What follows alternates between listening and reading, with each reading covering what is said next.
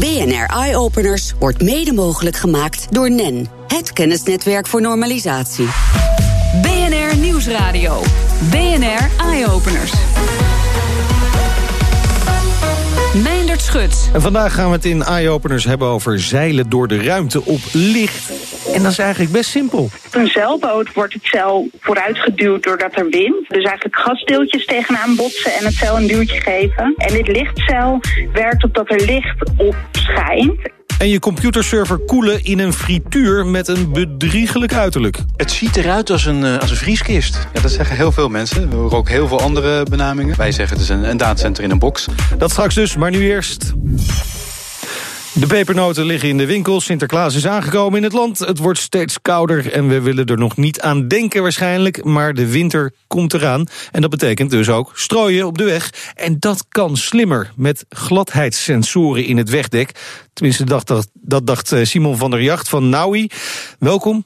Dankjewel. Uh, wat voor informatie geven deze sensoren precies door... en hoe weet je daardoor of je moet strooien? Het zijn eigenlijk hele simpele apparaatjes. Uh, de truc zit erin dat je er heel veel van hebt. Ja. Uh, en heel simpel, die meten simpelweg de temperatuur. En die geven hun uh, idee door. Dus je weet waar ze zitten. Waardoor je precies weet, verdeeld door een stad heen... of door een snelwegennet heen... wat is nou de temperatuur per welk wegdeel?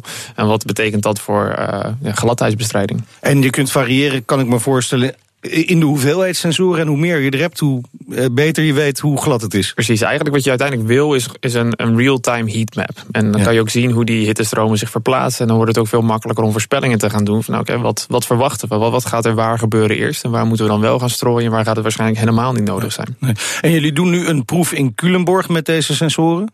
Klopt, ja, bij het, uh, met BAM doen we dat samen. Uh, daar de, de eerste sensoren zijn daar geplaatst. Uh, en dit is eigenlijk ook om te kijken, echt een proof of principle... van hoe komen nou een paar verschillende technologieën bij elkaar... en hoe kunnen we dat laten werken.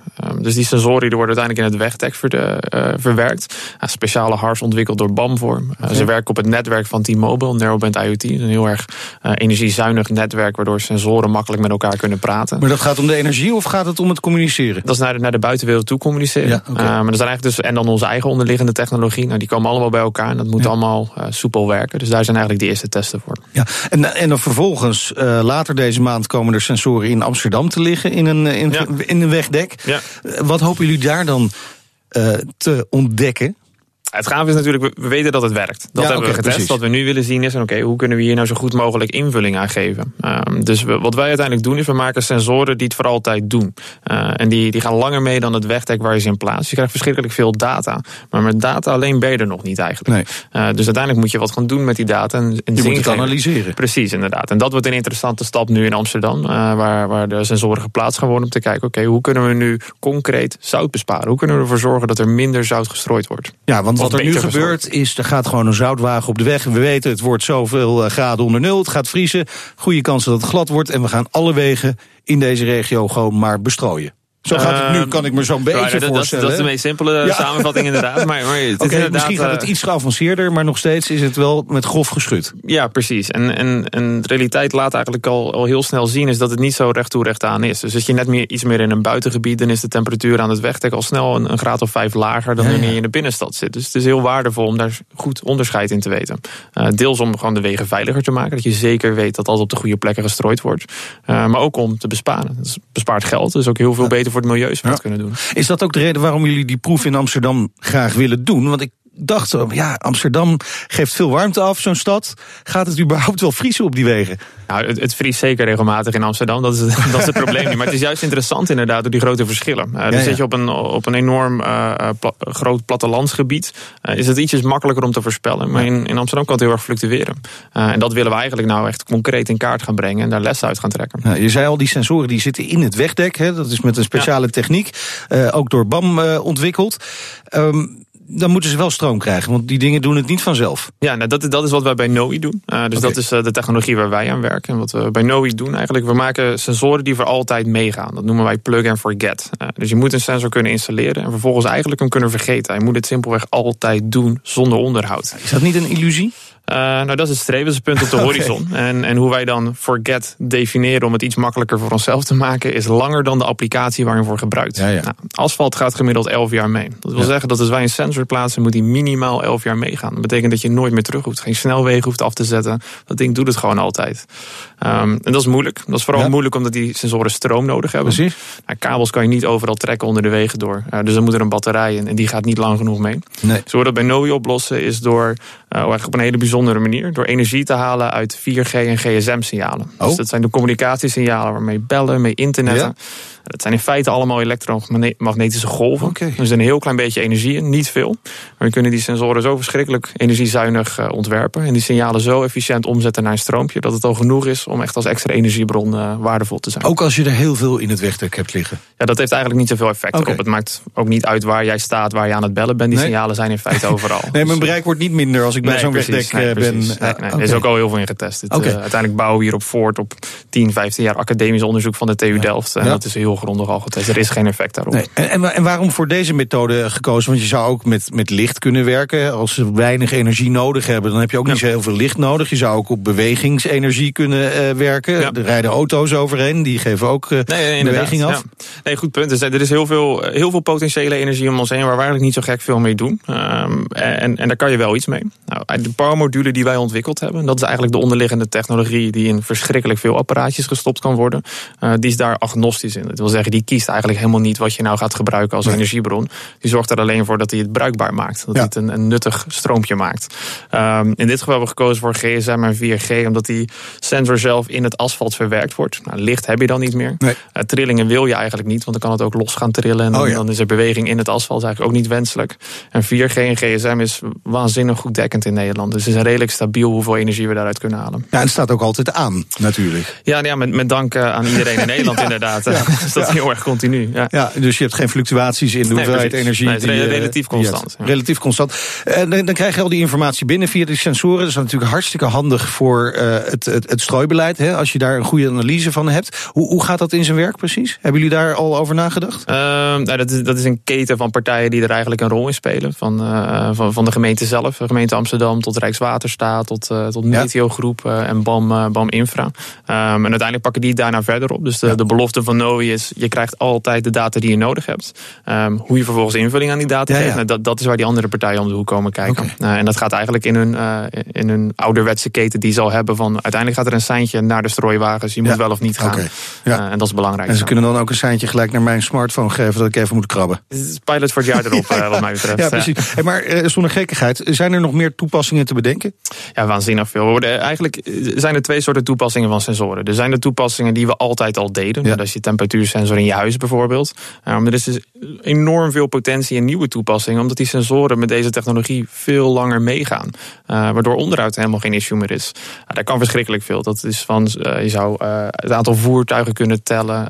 Luchtkwaliteit metingen door de stad heen. Er kan verschrikkelijk veel. Kwaliteit daar- van het asfalt. Bijvoorbeeld, ja, we worden er echt beperkt door ons eigen verbeeldingsvermogen. Dus Ja. daar, eh, daar zijn we heel erg benieuwd naar om zelf ook te onderzoeken wat er nog meer in kan. Nou, ik hoor het al, over een paar jaar liggen die sensoren in alle wegen ongetwijfeld Daar hier in. Nederland. Dankjewel, Simon van der Jacht van NOI. We hebben het er elke week over, innovatie. We zoeken voor je uit hoe je dat eigenlijk moet doen. Innoveren, maar dan moet je eerst weten, wat houdt je tegen? Een bijdrage van redacteur Paulien Subuster. De meeste bedrijven willen wel innoveren, maar dan blijkt er toch iets te zijn wat ze tegenhoudt. Daar kan ik, eh, kan ik heel lang over praten, denk ik. Eh, Jan Ballon van afdeling Buitengewone Zaken, een Rotterdams ontwerpbureau. We praten zo met Jan verder, maar eerst hoogleraar innovatie aan de Nijenrode Universiteit, Jeff Gaspers. En volgens Jeff zijn bedrijven vooral bang. Innoveren wordt heel vaak gezien als, oh, we moeten met volkomen iets nieuws komen. Jee, wat een investeringen vraagt dat.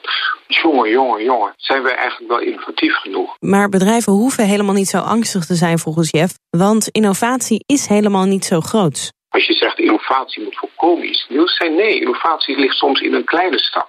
Goed naar je klant luisteren. Goed kijken of je een klant kan helpen met een kleine waarde toe te voegen. Dat is ook innovatie. Jan van Buitengewone Zaken ziet ook veel bedrijven die bang zijn om te innoveren, maar dan vooral omdat ze bang zijn om te falen. Vaak omdat er binnen organisaties een cultuur heerst waarin dat niet wordt toegelaten. Dat is iets wat wij altijd proberen te tackelen. Van ja, wat is nou het ergste wat er kan gebeuren? Dus durf een eerste iteratie, een eerste experiment opzetten en vandaar zeg maar, leren en kijken hoe je verder gaat. Dat is voor mij echt wel het grootste pijnpunt binnen organisaties om te innoveren. En bedrijven zijn niet alleen bang, bedrijven zijn ook heel bureaucratisch, vertelt Ben van den Burg, onze BNR-columnist. Oh, heel erg bureaucratie. Dus uh, kijk, je hebt, dus je hebt een start-up en dan heb je, heb je een go-go-go-fase. En dan krijg je de prime phase, dat alles goed gaat. En dan word je groter, dan word je 150, 200 man. En dan willen, moet je hiërarchie, moet je lager, want je kent niet meer iedereen. En dan, weet je, dan, nou, dan wordt het bureaucratischer. En dan heb je geen contact meer met top, heeft geen contact meer met de werkvloer. En de werkvloer vindt de top stom. En dan krijg je allemaal krachten die, ja, die mensen lam maken. Kortom, niet bang zijn om te falen, niet bang zijn om groot te denken... en wees vooral niet bureaucratisch. En de volgende weken nog meer tips van onze innovatie-experts. En straks Apple, Google, Amazon, opgelet. Jullie servers in de frituur gooien, dat gaat een hoop geld besparen. BNR Nieuwsradio. BNR Eye-Openers. Een superkoeling die werkt door computerservers volledig onder te dompelen in minerale olie. Dat is op zich best opmerkelijk. Nog opmerkelijker, daar kreeg het eh, bedrijf Asperitas de Piet de Jongprijs voor maritieme innovaties voor. En verslaggever Martijn de Rijk die sprak met Michael Bouricius van Asperitas. Het ziet eruit als een, als een vrieskist. Ja, dat zeggen heel veel mensen. We horen ook heel veel andere benamingen. Uh, wij zeggen het is een, een datacenter in een box. Ja, want er gaan geen uh, bitterballen in. Er gaat gewoon een hele server in. Ja. En er zit ook nog olie in die kist. Ja, ja dus uh, gekscherend zeggen we eens, we doen de bitterballentest. Dan uh, zijn we aan het testen hoe, hoe warm die kan. Dat kan heel warm. Um, dus het, het, lijkt een beetje op een frituur ook. Die horen we ook wel eens, maar dat is het ook niet. Nee. Nee. Maar goed, dan heb je dus een server, een hele serie servers. Die heb je in de olie gegooid. En wat voor voordeel heeft dat? Ja, daarmee kunnen we heel efficiënt koelen. Uh, je moet je voorstellen, chips uh, in de servers die worden ontzettend heet. Dat weten heel veel mensen niet. Die koelen wij met lucht. Uh, en dat gebeurt in datacenters, hele grote omgevingen. wat heel veel koelfaciliteiten nodig heeft. wij koelen direct met de vloeistof, dus ondergedompeld in, in, de, in de olie. En daarmee transporteren wij die hitte heel snel af eigenlijk. Ja, ja en dan zijn het gewoon een standaard serverapparatuur. Hè? Die kan blijkbaar tegen olie. Nou, niet, niet de servers zoals jij en ik die vandaag zouden kunnen kopen. wel de componenten die erin zitten. Wat, uh, wat wij bijvoorbeeld niet nodig hebben zijn de ventilatoren die je in de servers vindt. Die gebruiken ook veel energie, tot, uh, tot 40% van een server ongeveer. Maar die hebben wij helemaal niet nodig, want wij doen alles met vloeistof. Dus onze, onze klanten die kopen componenten van de grote chipfabrikanten en, en de moederborden. En, uh, en die gebruiken inderdaad standaard componenten. Ja. En hoeveel scheelt het uiteindelijk in de energie? Nou, voor een datacenteromgeving uh, ongeveer 50% Dus uh, we halen en energieverbruik aan de IT-kant weg door de ventilatoren niet te gebruiken eigenlijk. En, en datacenters hebben een stuk minder koelfaciliteiten nodig. En doordat ze minder koelfaciliteiten nodig hebben, een aantal andere dingen ook. en alles bij elkaar kom je dan op zo'n 50% footprintreductie. Ja. ja, en dan heb je warme olie. Ja, ja. ja misschien dan toch die bitterballen er maar in gooien. Nee, nee, want uh, wat wij doen, uh, de, de olie die wordt weer afgekoeld door een, een watergekoeld systeem eigenlijk. Uh, en ja, daar komt dus warm water uit uiteindelijk. tot aan 65 graden warm water. wat eigenlijk een heel bruikbare energievorm is. dus dat is wel heel mooi. Dus de IT-energie die erin gaat bij ons, die komt er in de vorm van warm water en andere energievorm weer uit. Ik moet het toch vragen, hoe kan je hier nou in godsnaam de waterinnovatieprijs mee winnen? Nou ja, ja, tweezijdig denk ik. We maken één gebruik van water uh, of vloeistof in ieder geval om, om te koelen. En, uh, en anderzijds uh, liggen onze roots eigenlijk ja, een beetje bij de maritieme sector. Omdat we wilden kijken of het mogelijk was om microdatacenters en groen en geavanceerd te kunnen implementeren eigenlijk op, op grote, grote schepen. Ja, en toen merkte je opeens van, hé, hey, wacht even, er zijn meer mensen in geïnteresseerd. The sky is the limit. Ja, nou ja, dat is het eigenlijk. Ja, dus uh, onze weg is uh, eigenlijk nu uh, ja, ergens anders ingeslagen. Dat is de grote datacenter- en cloudmarkt. die is wereldwijd hard groeiende. en die hebben een heel groot, groot probleem. En dat is hun energieverbruik. En de ruimte die ze innemen overigens. En wij lossen alle twee de dingen op. Ja. Michael Bouricius van Asperitas in gesprek met verslaggever Martijn de Rijk. BNR Nieuwsradio. BNR Eye-Openers. Meindert Schut.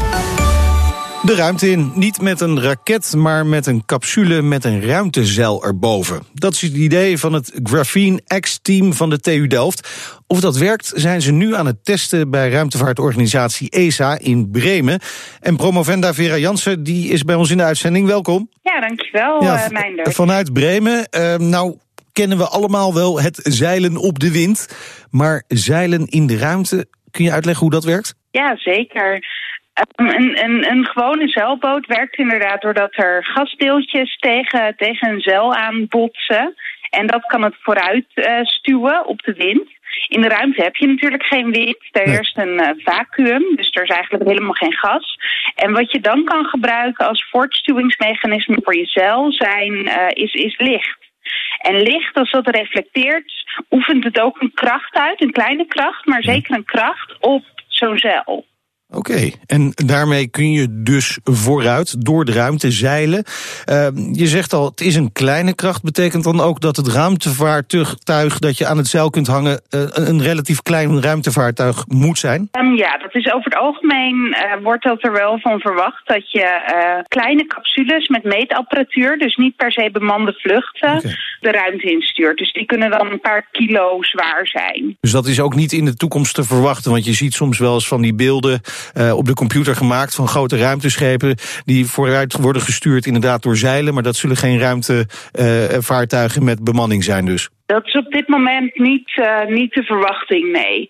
Uh, in principe kun je natuurlijk dat cel gewoon heel erg veel groter maken en er dan een veel zwaardere capsule aan hangen, maar dat maakt het allemaal wel heel veel ingewikkelder. Oké, okay, maar het gaat dus echt met name om uh, kleinere capsules met sensoren die eigenlijk de ruimte kunnen ontdekken voor ons? Moet ik het zo zien? Ja, klopt, klopt. En met zo'n voortstuwingsmechanisme als een, als een lichtcel kun je heel veel verder, omdat je geen brandstof okay. hoeft mee te nemen. Dus je zou dan kunnen denken aan expedities naar andere sterren bijvoorbeeld, wow. dan de wow. zon. Kijk, dat klinkt al heel erg uh, cool. Jullie hebben een wedstrijd van de ESA gewonnen. Daarom mogen jullie nu daar ook in Bremen allerlei tests doen. Wat zijn jullie aan het testen op dit moment? Ja, we hebben inderdaad meetijd gewonnen uh, in, in, de, in het Drop Your Thesis programma van ESA Educatie. Ja. En dat betekent dat wij vijf keer een uh, capsule van een toren af mogen gooien met al onze meetopstellingen erin. En in die capsule heerst dan voor vijf seconden ongeveer een heel erg, een, alleen nog maar een fractie van de zwaartekracht. Dus je bent bijna helemaal gewichtloos, is je opstelling in die, uh, ja. in die omgeving. En dat is dus heel vergelijkbaar met de omstandigheden die je in de ruimte hebt. En wat we doen in die capsule is dat we een uh, klein sampletje hebben van een diameter van 3 mm. En op dat sampletje zit grafeen. Ja. En dat grafeen beschijnen we met een hele sterke laser. En we kijken dan vervolgens met een camera of we dit stukje zien, uh, zien bewegen. Dat is spannend. En dat vijf keer, dat is, dat is redelijk beperkt. Maar uh, dan moet je het wel goed voorbereiden dus. Ja, klopt. We zijn al een jaar bezig met de voorbereiding... Okay. om de hele, de hele opstelling te bouwen in Delft. En ja. uh, die hebben we dus nu meegenomen naar Bremen... om, uh, om hem in de valtorencapsule op te bouwen. En we hebben nu dus inderdaad ook al alle vijf de, de, de, de valexperimenten gedaan. En hoe zijn de resultaten tot nu toe? Het, is, het, het, het was heel erg spannend deze week. Omdat je, je hebt natuurlijk altijd als je je experiment in zo'n in zo'n capsule opnieuw gaat opbouwen. En dat dat heel erg veel, dat dat toch wel weer problemen geeft. Ja. Omdat je toch een, een ingewikkelde opstelling hebt gebouwd. En daarnaast heb je natuurlijk ook nog dat alles helemaal op zichzelf moet werken. Want als je een capsule 140 meter naar beneden laat vallen, kunnen daar natuurlijk geen snoeren of zo aan zitten. Nee, dus nee. dat betekent dat het allemaal helemaal op zichzelf moet werken. Nou. En dat heeft ons best wel wat tijd gekost in het begin van de week. Toen zijn er daarnaast nog dingen die je gewoon niet kunt voorzien voordat je in, in die microgravitatie bent. Maar uiteindelijk hebben we in de laatste drop toch wel uh, hele interessante data okay. geschoten. Nou, nou zit er grafeen in dat lichtzeil, hè, wat jullie hebben bedacht en gemaakt. Da daar wordt ook bijvoorbeeld tennisracket van een toptennisser als Djokovic van gemaakt. Kunnen we daarmee ook stellen dat, dat zo'n zeil eigenlijk vrij dichtbij is om te produceren? Of is dat echt nog toekomstmuziek? Ja, dat, dat ligt natuurlijk ook heel erg aan uh, hoeveel geld erin geïnvesteerd oh, ja. wordt. In principe kun je, uh, wordt, wordt grafeen nu op dit moment gegroeid in wetenschappelijke omgeving met uh, een grootte van, van tientallen centimeters in doorsnede, cirkels. En uh, in principe is er niet echt een reden waarom dit niet opgeschaald kan worden, behalve dat er natuurlijk bedrijven moeten komen die erin gaan investeren. Dus dat is mogelijk. Um, maar lichtcel van grafeen is in principe nu nog echt in, in een fundamentele fase. Wij zijn nu echt aan het aantonen of het überhaupt kan. Nou, heel veel succes met het onderzoek. Dank eh, voor je tijd, Vera Jansen, promovenda aan de TU Delft en lid van het Graphene X-team. BNR Nieuwsradio. BNR Eye-Openers. Tijd voor de beste technieuwtjes vanuit de hele wereld. En daarvoor spreken we zoals elke week met tech- en innovatie-expert Elger van der Wel. Uh, Elger, als eerste Tesla had afgelopen week weer wat nieuws te vertellen. Ja, als eerste de aankondiging van een elektrische vrachtwagen. De Tesla Semi genaamd. We wisten al, die kwam, hebben we ook al details. Hij kan 800 kilometer rijden op een Q bij volle belading. En dan in een half uurtje opladen kun je weer 600 kilometer rijden. En het is een Tesla, dus uiteraard wordt die deels zelfrijdend op de snelweg. Grote uitdaging bij een elektrische vrachtwagen wordt natuurlijk de infrastructuur. Want vrachtwagens leggen echt hele grote afstanden af. Veel meer dan die 800 kilometer achter elkaar. En een half uur opladen voor 600 kilometer rijden is dan geen probleem. Maar er moeten wel op alle belangrijke routes oplaadplekken zijn. En dat is natuurlijk wel een uitdaging om dat voor elkaar te krijgen. Er is ook wel tijd voor om dat te regelen, want in 2019 start de productie pas van de Tesla Semi. En de prijs van die vrachtwagen is nog onbekend. Uh, trouwens had Tesla ook nog een, een, nieuwsje wat we niet hadden zien aankomen. Er komt een nieuwe versie van de Tesla Roadster. Ja. Uh, dat was Tesla's eerste auto, een echte sportauto. En die is helemaal vernieuwd. Hij kan 1000 kilometer gaan rijden op één volle acculading. Kan van 0 tot 100 in amper 1,9 seconden. Maar dat kost wel wat. 200.000 dollar kost hij minimaal. De nieuwe Tesla Roadster komt uit in 2020. En wil je hem als een van de eerste hebben, en ik weet mijn dat je dat stiekem al wil, dan moet je wel 250.000 dollar overmaken aan Tesla. Zeg maar vandaag nog. Ja, heb ik niet. En dan uh, virtual reality brillen. Laatst kondigde Oculus al een volledig zelfstandige VR-bril aan. En nu heeft HTC precies hetzelfde gedaan, Elger. Klopt. HTC komt met de HTC Vive Focus. Het is een bril zonder draden en andere toestanden. De grafische rekenkracht, de accu, het scherm, alles wat je nodig hebt zit in dat apparaat, in die bril die je opzet. Het is natuurlijk niet zo krachtig als je zo'n hele grote gaming-PC uh, aan, uh, aan een bril hangt, maar wel een stuk toegankelijker. Uh, bril heet dus de Vive Focus. Hij kan bewegingen van gebruikers net zo nauwkeurig vastleggen als een normale Vibe, zodat je ook echt rond kunt lopen in een virtuele wereld. Als je stappen zet, dan loop je ook in virtual reality. je moet daarvoor echt wel twee losse sensoren in een ruimte ophangen, die zitten erbij. De prijs en ook de data van beschikbaarheid zijn nog onbekend. Um, wat wel het verhaal is, is dat de bril waarschijnlijk eerst in China op de markt komt en dan pas naar het westen komt. Hey, jammer. Uh, dan had je ook nog nieuws over uh, betalen. Ja, het begint inmiddels traditie te worden. Uh, Visa van de creditcards die komt tijdens iedere Olympische Spelen met een betaal-wearable. Ook komende editie weer tijdens de Winterspelen.